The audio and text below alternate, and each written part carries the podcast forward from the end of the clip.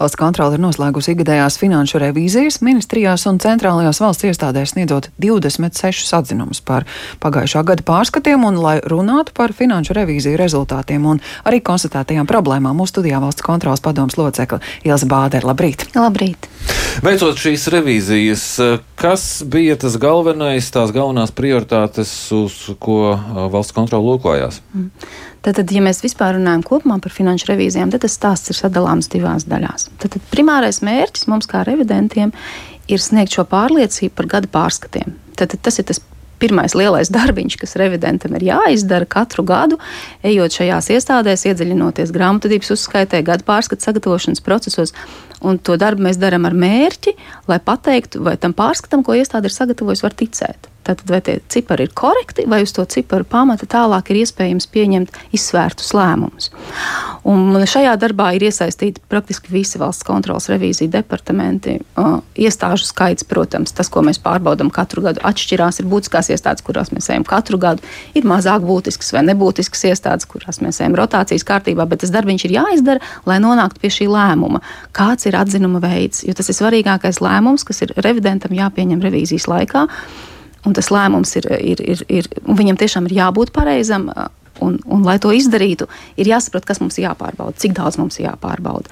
Mēs neejam, nešķirstam visas mapes, neskatām katru rēķinu, nepārbaudām katru maksājumu uzdevumu. Mums ir jāsaprot, novērtējot riskus, kas ir tas, ko mēs darām. Tā ir stāsta pirmā daļa, tātad par uzskaiti.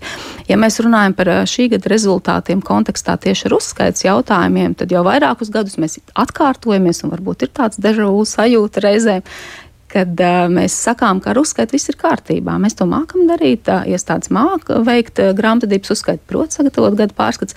Bez šaubām parādās ik pa laikam kādas um, kļūdas, uh, neatbilstības sevišķi tajos gadījumos, kad, uh, kad tiek pieņemts kāds jauns regulējums, viņš var būt interpretējams, varbūt ne līdz galam saprotams, bet kopumā, kopumā uzskaits kontekstā viss ir kārtībā. Te vēl jāuzsver viena ļoti svarīga lieta, ka uh, revīzija ir sadarbības starp valsts kontroli un revidējumu vienību.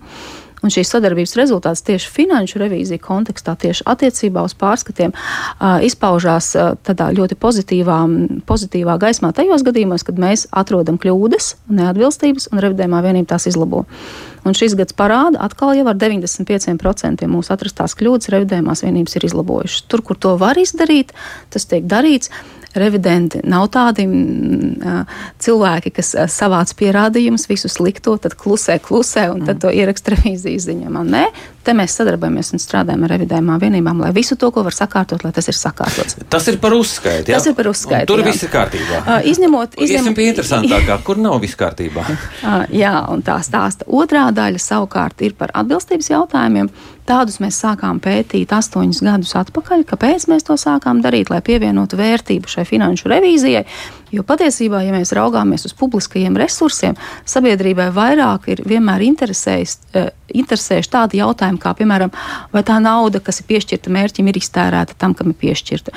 Vai tie solījumi, kas ir solīti sasniegt ar šo naudu, ir, ir tie rezultāti ir sasniegti. Un tas ir arī šis atbilstības jautājuma fokus, ko mēs skatāmies. Mēs mērķiecīgi izvēlamies atbilstības jautājumus. Tas var būt kāds projekts, kāda aktivitāte, kāds prioritārais pasākums vai kāda reforma, kuru mēs vērtējam konkrētajā resorā mēģinot saprast, vai, piemēram, ja tas ir prioritārais pasākums, vai finansējums viņam ir saplānots uz pamatotiem pieņēmumiem. Kā ir veicies ar, ar ieviešanu, vai ar iepirkuma procedūrām viss ir bijis kārtībā, vai finansējums ir tiešām viss izlietots, vai ja nav izlietots, un ir palicis pāri, kas tālāk ir darīts ar šo finansējumu, un vai ir sasniegti visi rezultāti. Kas šajā dokumentā kopumā bija tāds, ka sabiedrība varētu visvairāk interesēt par pašiem prioritāriem pasākumiem? Nu, runāt? teiksim tā, ja mēs skatāmies uz prioritāriem pasākumiem, tā situācija šogad ir, nu, es teiktu, ar tādu mīnuszīmi. Lielāku nekā iepriekš? Lielāku nekā iepriekš. Tagad es nevarētu uzreiz apgalvot, ka tāpēc ir sliktāk kļuvis ar finansējumu apguvi. Iespējams, mēs esam mērķiecīgāk atlasījuši pasākumus, uz kuriem skatīties. Bet kas, kas, kas tur ir par problēmu? Respektīvi, mm, tad 50% no tiem jautājumiem, ko mēs esam skatījuši, mēs esam snieguši atzinumus ar iebildēm vai negatīvus atzinumus. Tātad mums tur ir ko teikt tur nav viss labi. Lielākā problēma ar prioritāriem pasākumiem tātad vienā daļā ir, vai nu mēs neprotam saplānot finansējumu, mēs pārāk optimistiski pieņemam kaut kādas prognozes, paprasam vairāk, kā reāli būs nepieciešams, un to mēs redzam arī šajā gadā. Ministrijas nav izlietojušas lielu daļu no finansējuma, kas ir paprasīts vai ir izlietojušas citiem mērķiem, nesasniedzot savukārt tos mērķus, kas tika uzlikt prioritārajiem pasākumiem. Tas jau nav optimistiski, tas ir pesimistiski. Nu, te ir drīzāk jautājums par to, cik arī, piemēram, Finanšu ministrija pievērš uzmanību tiem prioritāro pasākumu pieteikumiem mirklī, kad viņi tiek iesniegti. Kad mēs visi zinām, kad augustā sākās diskusijas par valsts budžetu, ja, par šo pieejamo fiskālo telpu un valsts prioritātēm. Jautājums, cik mēs rūpīgi tajā mirklī paskatāmies, vai tie aprēķini ir ticami, vai tiešām būs iespējams to, to finansējumu apgūt un tiešām būs iespējams tos mērķus sasniegt. Bet par pagājušo gadu runājot, kuri tad ir tie prioritārie pasākumi, kam nauda ir prasīta, piešķirta, bet beigās aizgājusi citur? Nu, piemēram, um, finansējums 41 miljonu apmērā nav tērēts, uh, nav iztērēts mērķim, kas bija attiecībā uz investīciju projektiem, uz te, šiem te aizdevumiem attiecībā uz investīciju projektiem. Nauda Altumam bija piešķirta 41 miljonus, nav iztērēts tieši nekas. Nu, tā ir nu, tas, tas ka nesaprot, cik ātri var sagatavot jā, projektu un saņemt šo jā, naudu. Jā, tieši tā, kad viņa tiešām faktiski būs nepieciešama. Jā. Bet nu, ir citi gadījumi, piemēram, veselības ministrija, kur skaidrs, ka nauda ir vajadzīga, bet pati ministrija nav spējusi to aizvadīt.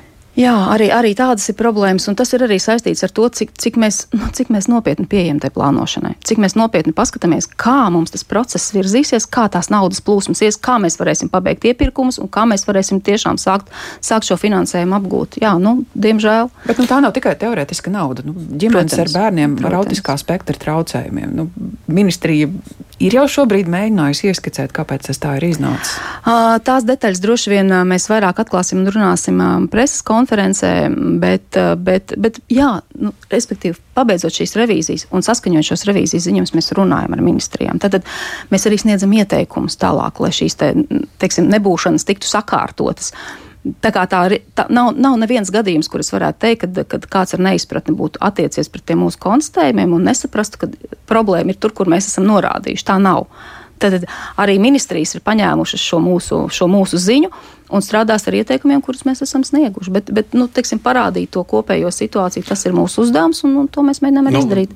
Viena lieta ir tas, ka nauda vēl nav iztērēta, bet ir jau noteikti gadījumi, kad nauda ir iztērēta, bet ne tiem mērķiem. Ne tiem mērķiem. Un uh, vai ir kaut kādas uh, revīzija rezultāti, kur jūs esat to devuši tālāk jau izvērtēt kompetentām iestādēm? Jā, ir, protams, katru, katru teiksim, pabeidzot katru finanšu revīziju ciklu, mums ir pa kādam um, pārkāpumam, kur mēs ziņojam tālāk iestādēm, bet, bet te es varbūt tiešām detaļās neiešu, jo šis nav tāds process, kurš pabeidzās šodien un būtu pilnīgi skaidrība. Mēs ar to turpinām strādāt un turpinām domāt, un tur arī ir atbildība iestāžu pusē vērtēt. Kas... Cik daudz vismaz tādu gadījumu? Tagad? Um, piecos gadījumos šķiet mēs esam vērsušies uh, pie iestādēm, kas ir, kas ir tālāk no atbildīgas par šo vērtēšanu. Nu, respektīvi, bet, bet, bet, bet iepriekš cik bija? Iepriekšējā gadā? Mm, nepateikšu ciparu. Vai mums ir progress šajā jautājumā? Uh, nav, nav sliktāk, es teiktu, nav sliktāk. Tā varētu. Nu, vēl viens faktors, ko droši vien arī pašas iestādes šobrīd raugās, nu, arī valsts budžeta gatavošanas kontekstā mēs allaž domājam par to, kā palielināt algas, Jā. un arī te finansējums ir piešķirts, bet īsti bet nav, nav paši rīkojušies, jā, lai tā nauda jā, nonāktu. Jā. Atlīdzību, kā, kā mēs visi zinām, teiksim, atlīdzības reforma, kas, kas uzsākās um, pērnā gada vidū. Mm, mēs nevērtējam viņu tā ļoti horizontāli visos resoros, bet bija atsevišķos resoros, kur mēs paskatījāmies, jā, un tas lielākais risks patiešām ir sevišķi tajos gadījumos, kad nauda ir piešķirta un viņa nav izlietota, teiksim, nav izlīdzinātas um, šīs te mēneša algas, ir šīs atšķirības joprojām. Uh, un nav šis konkurētspējīgais atalgojums sasniegts, nu, te ir liels risks tieši uz šo resursu, tātad uz cilvēku resursu aizplūšanu. Ja? Un, un tas ir tas, par ko mēs arī runājam šī gada revīzijās un uz ko mēs vēršam uzmanību. Un kā valsts kontrolē ar naudas tērēšanas atbilstību? Nu, ne, neatbilstības nav konstatētas tādā ļoti īsi. Nav kas varētu konstatēt. Nē, tā nav. Mūs arī pārbauda, bet, bet zvērnātas revidents, bet, bet neatbilstības. Jā, liels paldies Jā. jums par šo sarunu. Mūsu studijā bija valsts kontrolas padomas locekle Ilze Bādere. Paldies!